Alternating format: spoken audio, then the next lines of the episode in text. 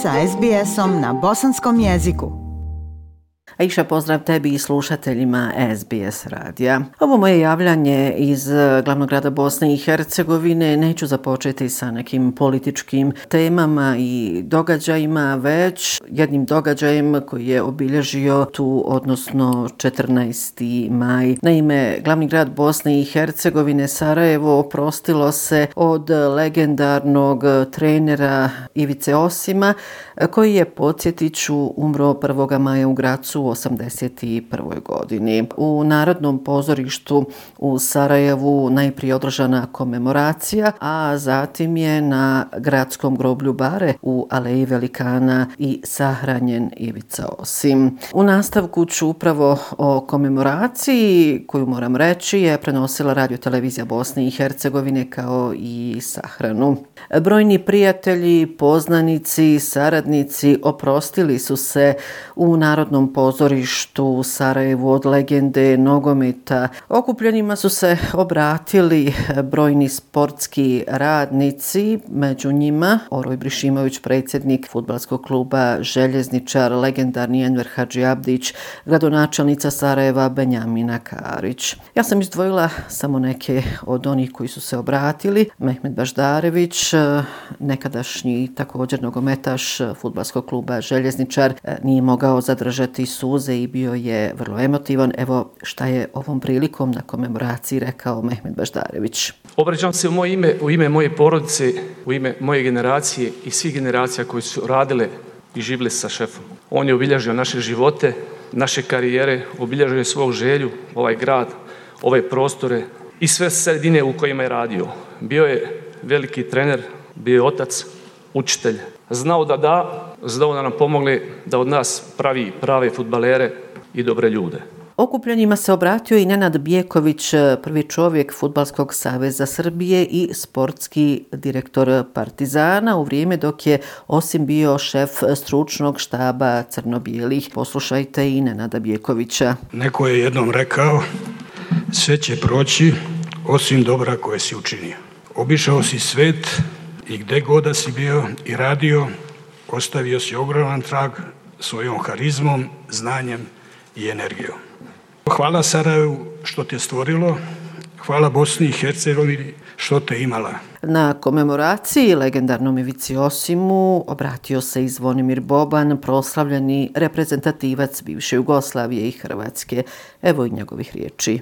Prenosim i poseban pozdrav Zagrlja i sučut od predsjednika UEFA Aleksandra Čefrina koji je veliki poštovatelj Ivice Osima. Ivica Osim bio je sjajan igrač, veliki trener, bio je iznimni nogometni učitelj, ali prije svega Ivica Osim bio iznimno ljudsko biće. Bio je dobar čovjek, drag čovjek, naš čovjek. I bez obzira na to što je postigao što je živio, ostaje narodan, ostaje čovjek raje, u svojoj boemi, u svojoj ironiji, jedinstvenim. Ostaje tako ponosan i svoj smiren u svojim vrijednostima skroz do kraja. I taj se trag nikada neće prebrisati. Ona suči i pokazuje put.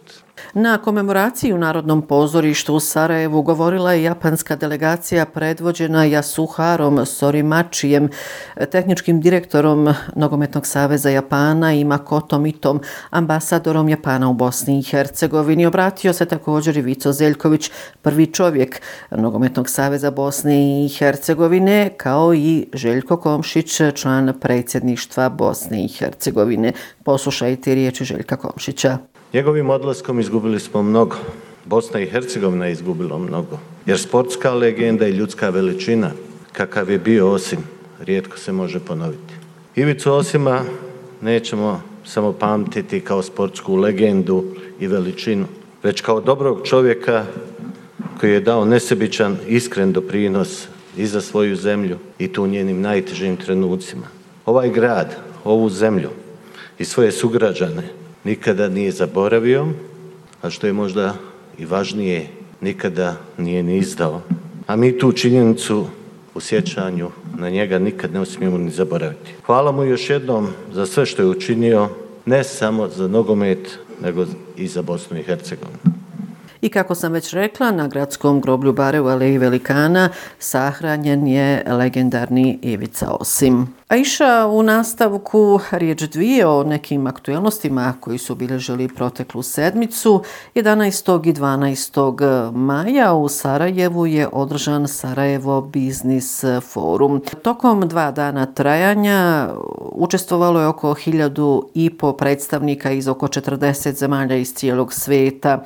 Predstavljeno je više od 300 investicijskih projekata i poslovnih ideja. Na samom otvaranju ovog Sarajevo Biznis Foruma predsjednik Republike Slovenije Borut Pahor izrazio je snažnu podršku ove države Bosne i Hercegovine i regionu u njihovim zalaganjima da postanu članice Evropske unije. Također je na otvaranju govorio i specijalni predstavnik Evropske unije u Bosni i Hercegovini Johan Sattler koji je istakao da bi u sljedećem periodu trebalo raditi i na rješavanju pitanja elektronskog potpisa, razvoju turizma, državnih preduzeća kao i ukidanju zavisnosti Bosne i Hercegovine od jednog dobavljača gasa Rusije preko gasovoda te prekidu ulaganja u zagađujuće tehnologije vezane za ugalj. E, 9. maja na dan pobjede nad fašizmom i dan Evrope u Sarajevu je održana protestna šetnja žrtve iz Bosne i Hercegovine za žrtve u Ukrajini. Protestna šetnja održana je od vječne vatre do spomin obilježe ubijenoj djeci opkoljenog Sarajeva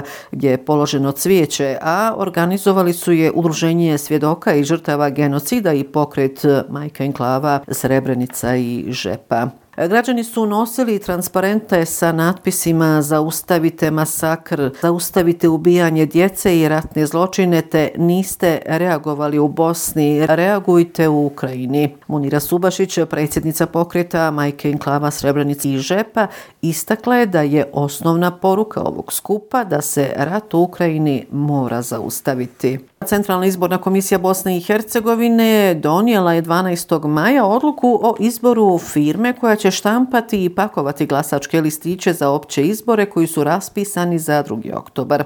Kao najpovoljniji ponuđač odabrana je kompanija Union Invest Plastika Semizovac Vogošća s kojom će biti sklopljen okvirni sporazum na period do dvije godine. Sama vrijednost ovog sporazuma iznosi oko 1.630.000 konvertibilnih maraka.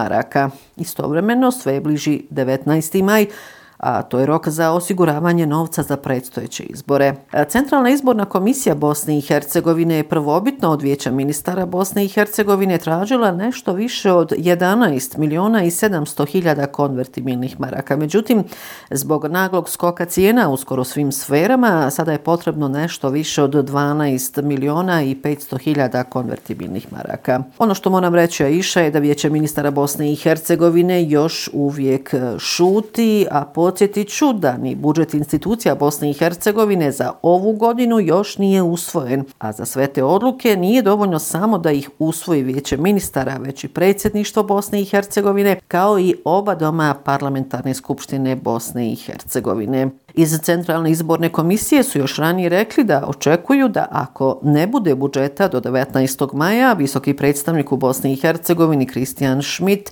nametne ovaj dokument. Eto iša toliko ovoga puta iz glavnog grada Bosne i Hercegovine. Srdačne pozdrave vam iz Sarajeva šalje Semra Duranović-Koso. Like, share, comment. Pratite SBS Bosnijan na Facebooku.